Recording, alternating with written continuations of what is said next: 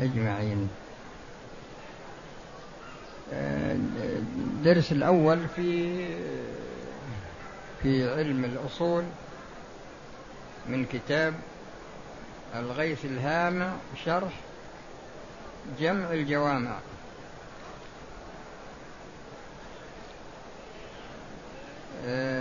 صاحب المتن يقول تقسيم الحكم إلى رخصة وعزيمة. الحكم الشرعي إن تغير إلى سهولة لعذر مع قيام السبب للحكم الأصلي فرخصة كأكل الميتة والقصر والسلم وفطر مسافر لا يجهده الصوم واجبا ومندوبا ومباحا وخلاف الأو وخلاف الأولى وإلا فعزيمة.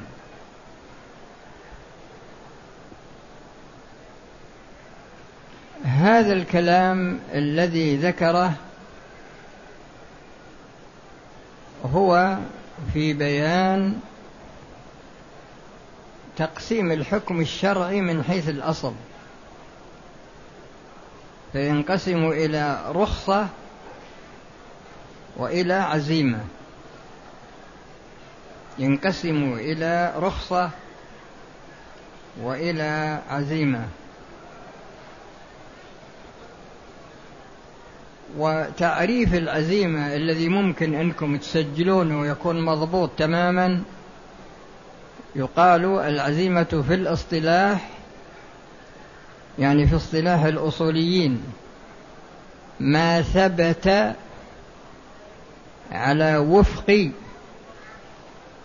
دليل شرعي خال عن معارض راجح. ما ثبت على وفق دليل شرعي خال عن معارض راجح. ما ثبت على وفق دليل شرعي خال عن معارض راجح. هذا هو تعريف العزيمة وتعريف الرخصة من جهة اصطلاح الأصوليين يقال ما ثبت على خلاف ما ثبت على خلاف دليل شرعي لمعارض الراجح. ما ثبت على خلاف دليل شرعي لمعارض راجح. هذا هو التعريف الاصطلاحي للرخصة. يبقى بعد ذلك مسألة ثانية وهي بيان أقسام الرخصة. بيان أقسام الرخصة في الشريعة. فالرخصة تكون في الشريعة واجبة. واجبة كما ذكر المؤلف. واجبة ومندوبة وخلاف الأولى. وذكر هنا يعني ترك حكمين. من الأحكام الخمسة لأن الأحكام الخمسة الوجوب والتحريم والكراهة والندب والإباحة. والرخصة تأتي في الأحكام الخمسة. الرخصة تأتي في الأحكام الخمسة يعني تكون رخصة واجبة وتكون رخصة محرمة وتكون رخصة مندوبة وتكون مكروهة وتكون مباحة وفيه أيضا خلاف الأولى فتكون ستة. فتأتي العزيمة تأتي يعني الرخصة على هذا الوضع. والمؤلف رحمه الله ذكر الأمثلة. فقوله كأكل الميتة هذا تمثيل للرخصة الواجبة. لأن الإنسان إذا اضطر إلى أكل الميتة وجب عليه أن يأكل منها. إذا اضطر إلى أكل الميتة فإنه يجب أن يأكل منها لعموم قوله تعالى ولا تلقوا بأيديكم إلى التهلكة. والقصر يعني في السفر. القصر يعني في السفر. أنه مندوب إليه. هذا هو الحكم الثاني. القصر في السفر هذا مندوب إليه.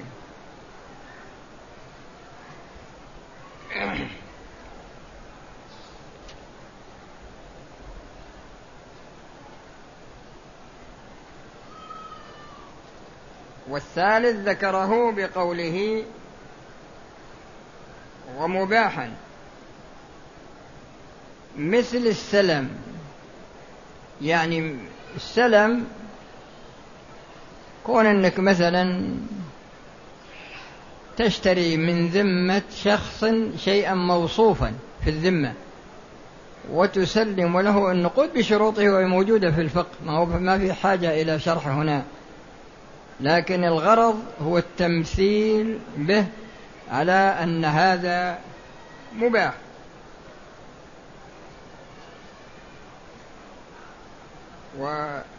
وخلاف الأولى ذكره هنا وفطر مسافر لا يجهده الصوم. يعني إن المسافر إذا كان لا يشق عليه الصوم وأفطر ففطره هذا خلاف الأولى. فطره هذا خلاف الأولى.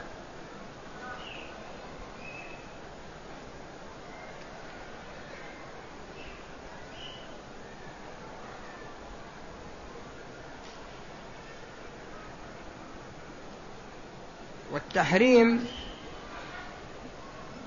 يعني إن الإنسان لا يجوز له أن يترخص مثل الذين يروجون المخدرات. هؤلاء لا يجوز لهم أن يترخصوا برخص السفر فلا يترخصون بالفطر ولا يترخصون بالقصر ولا بالجمع بين الصلاتين لأن هذا من الإعانة على الإثم والعدوان. والله تعالى قال وتعاونوا على البر والتقوى ولا تعاونوا على الإثم والعدوان. فيكون هذا من الإعانة لهم. وبما أن الله لم يأذن للبشر في أن يتعاونوا على الإثم والعدوان فهو منزه عن إعانة الشخص على أو الأشخاص على الإثم والعدوان.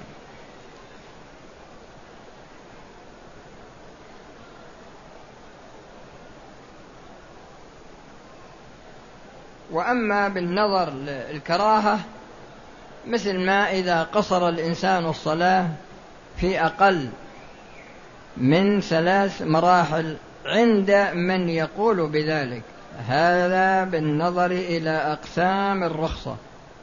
أما العزيمة وهو الأمر الرابع لأن عندنا تعريف العزيمة اصطلاحا وتعريف الرخصة اصطلاحا وأقسام الرخصة والأمر الرابع هو أقسام العزيمة.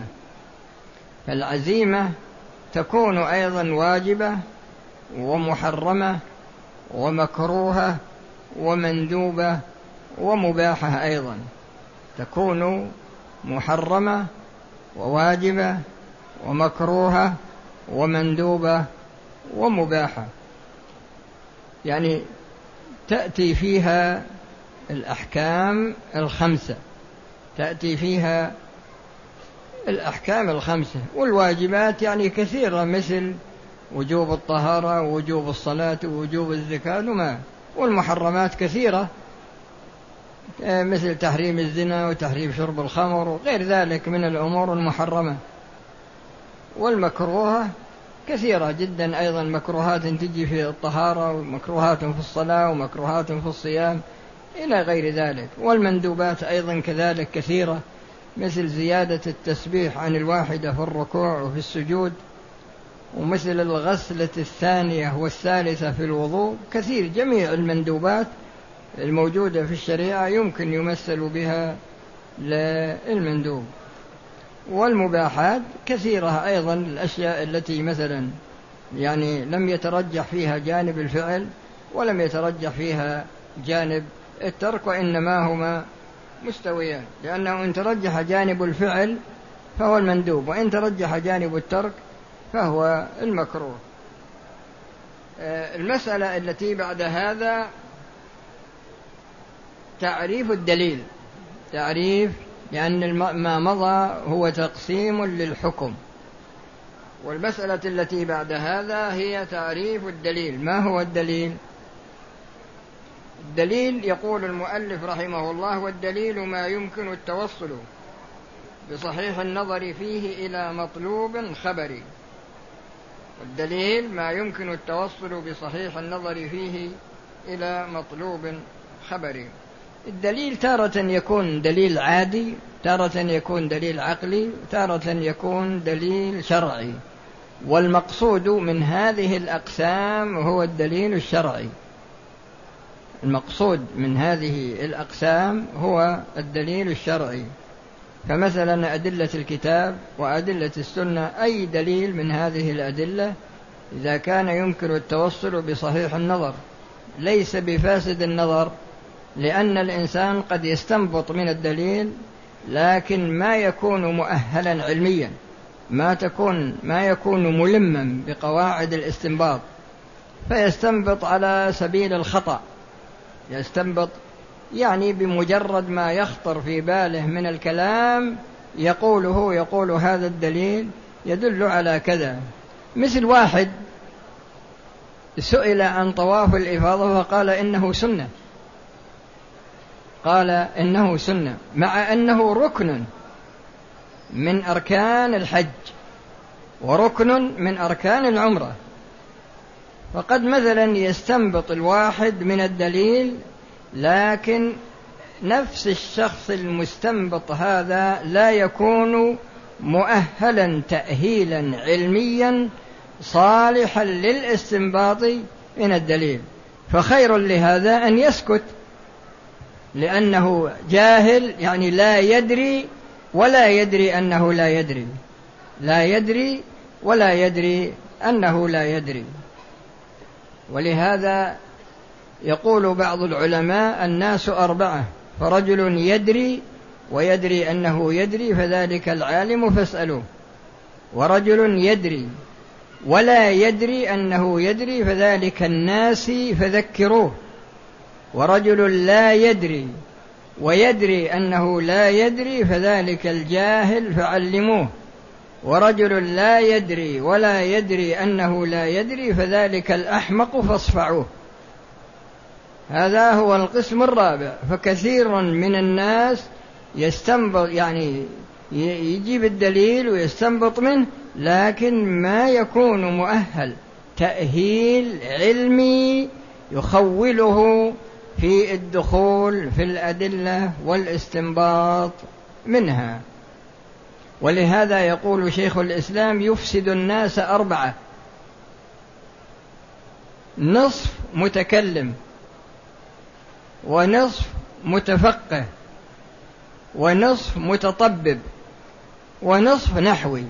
يعني واحد تعلم علم من هذه العلوم الأربعة. تعلم لكن لكن تعلم قليل. لكن وضع نفسه موضع المتعلم المتمكن. فتجد انه الأول يقول يفسد الجنان نصف المتكلم يعني اللي اللي يعني أخذ معلومات قليلة من علم التوحيد لأنه علم الكلام يسمونه علم الكلام. فأخذ علم قليل وبعد ذلك وضع نفسه موضع المجتهد المطلق في باب التوحيد. فصار يحرم ويحلل ويقول هذا شرك وهذا كذا على غير بصيرة. هذا نصف متكلم ونصف متفقه يقول هذا يفسد الأركان. يفسد الأركان لأن الشخص مثلا يبي يتوضأ يبي يصلي تجي تسأله. تبي يبي يحج يبي يصوم الشخص تأتي إلى هذا الشخص ويعطيك جوابا ليس من الشرع في شيء. ليس من الشرع في شيء. مثل واحد أفتى أن الشخص يقصر صلاة المغرب. يصليها ركعتين. ما دام أنه يصلي الظهر ركعتين والعصر ركعتين والعشاء ركعتين أيضا يصلي. هو صلى بالفعل. صلى المغرب ركعتين يعني قصرها. فتجد إن نصف المتفقه يفسد الأركان يعني أنك تأتي وتسأله عن مسائل في الطهارة مسائل في الصلاة في الصيام في الزكاة في المعاملات المالية في إلى آخر الفقه لكنه يعطيك جوابا ليس بصحيح. ويعتقد في نفسه أن الجواب الذي ذكره لك هو الجواب الصحيح. فهذا يفسد الأركان. والثالث إيه، نصف المتطبب. يعني تعلم معلومات قليلة من الطب ولم يتمكن وبعد ذلك يأتي يأتي إليه المريض ويصف له العلاج المرض في جهة والعلاج في جهة. وإلا يقرر إجراء عملية من أجل أن يتعلم. والشخص هذا سليم لكن يقول أنه مصاب بمرض لازم من إجراء العملية فورا. وهذا موجود في من بعض الأطباء. فتجد أن نصف المتطبب هذا يفسد الأبدان. فيه واحد جاب زوجته للمستشفى. وأجروا عليها فحص حامل وأجروا عليها فحص في في الأشعة. وقالوا له زوجتك حامل في حيوان.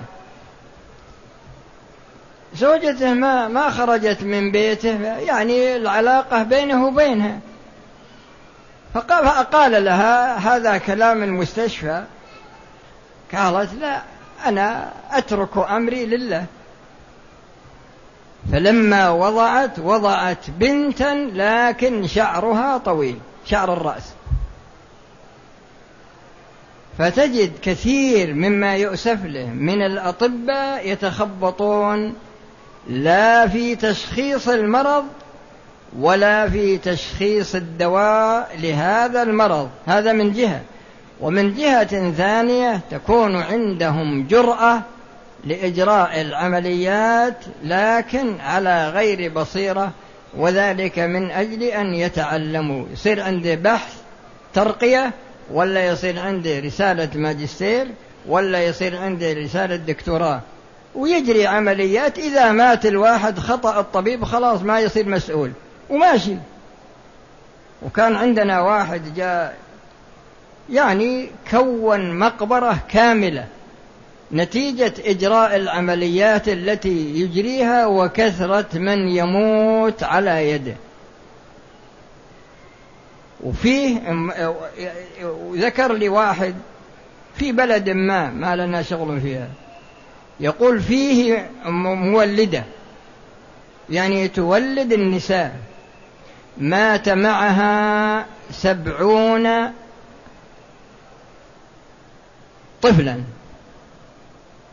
ماذا تعمل إذا نزل الطفل من بطن أمه ضربت دماغه في إبرة من فوق ومات؟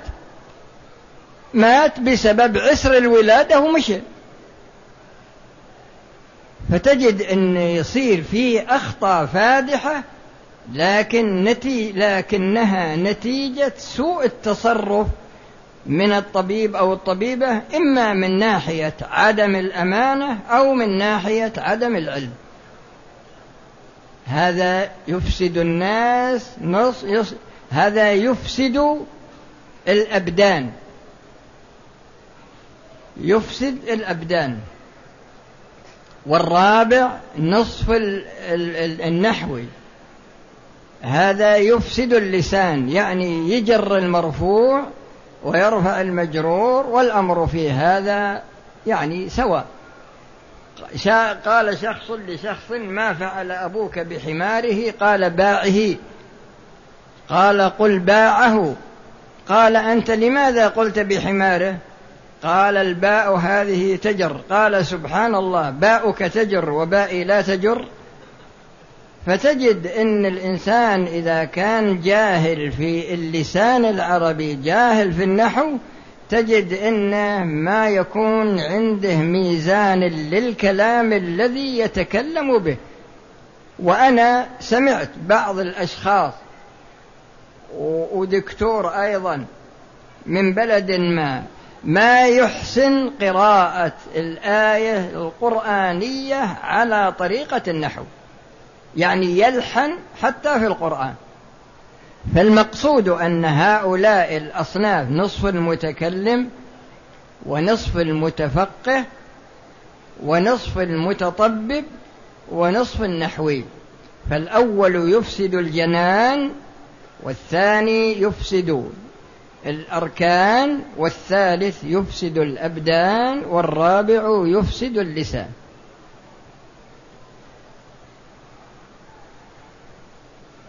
فيكون الشخص مؤهلا للاستنباط من الدليل ولهذا الحين تجد كثير من هالشباب تجد إن يعني إذا جلسوا ودك بس تحط مسجل ما يدرون عنه يتخبطون في الأمور الشرعية بشكل يعني غريب مرة.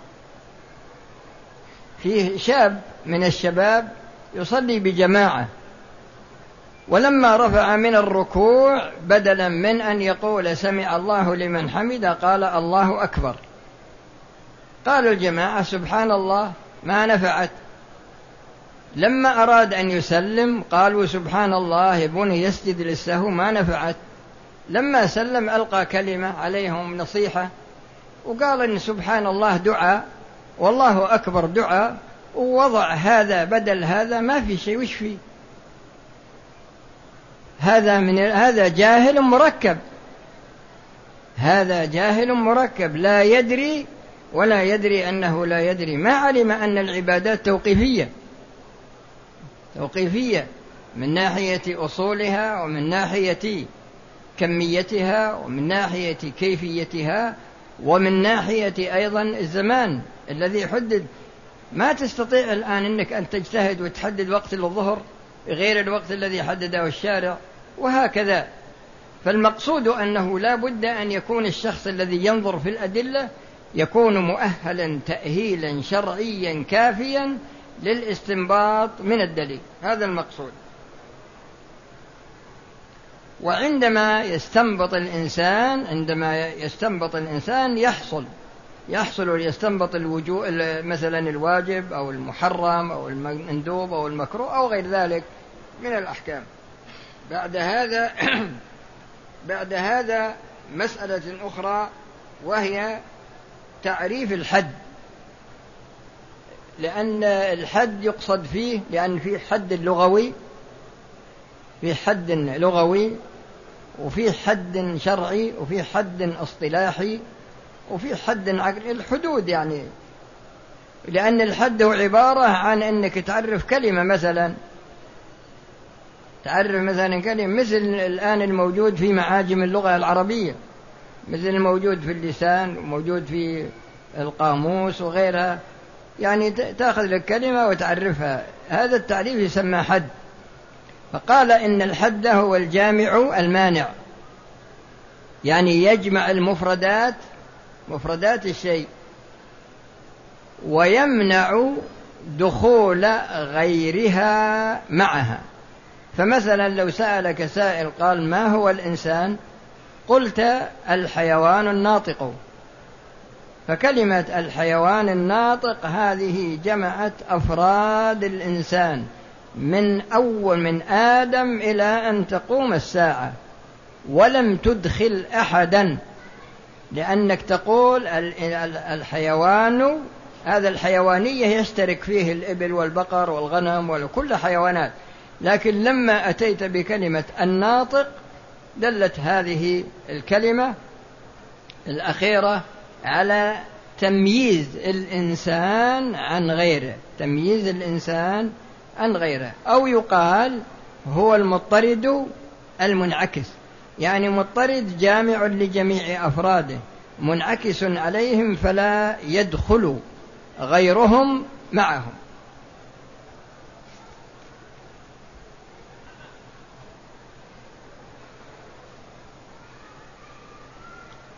بعد هذا في كلام في مسألة من جهة كلام الله.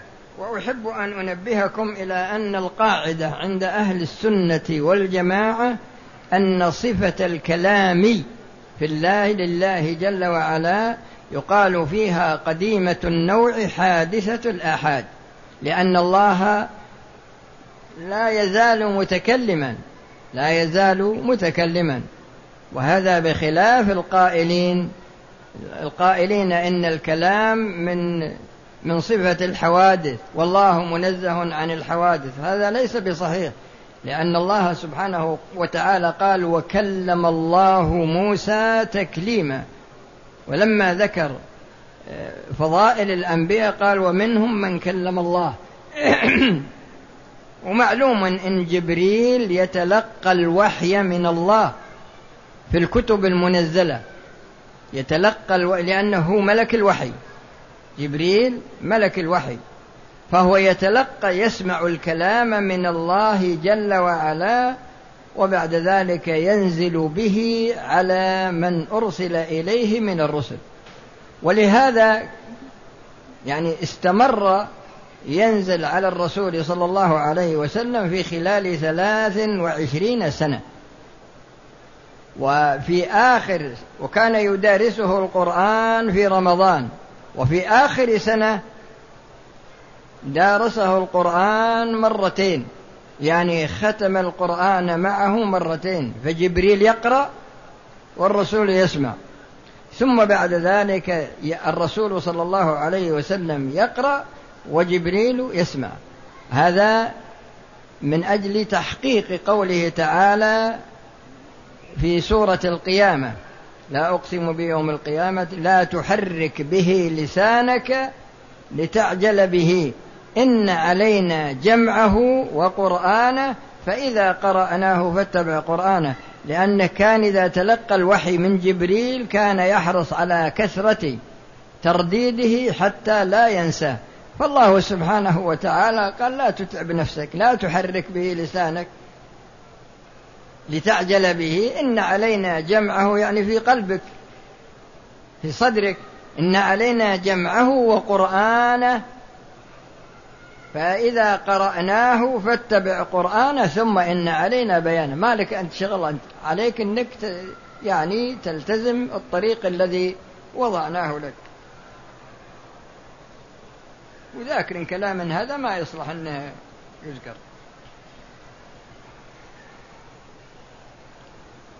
بعد هذا ذكر مراتب الإدراك. مسألة جديدة وهي مراتب الإدراك. وقسم الإدراك من حيث الأصل قال الإدراك بلا حكم تصور وبه تصديق. الإدراك بلا حكم تصور وبه يعني وبالحكم تصديق. يعني الإدراك بلا حكم تصور والإدراك بحكم تصديق. فكأنه قسم الإدراك من حيث الأصل إلى قسمين. القسم الأول التصور وهو الإدراك بلا حكم والقسم الثاني التصديق وهو الإدراك بحكم. ثم بعد ذلك ثم بعد ذلك قال إن هذا الإدراك على خمس مراتب.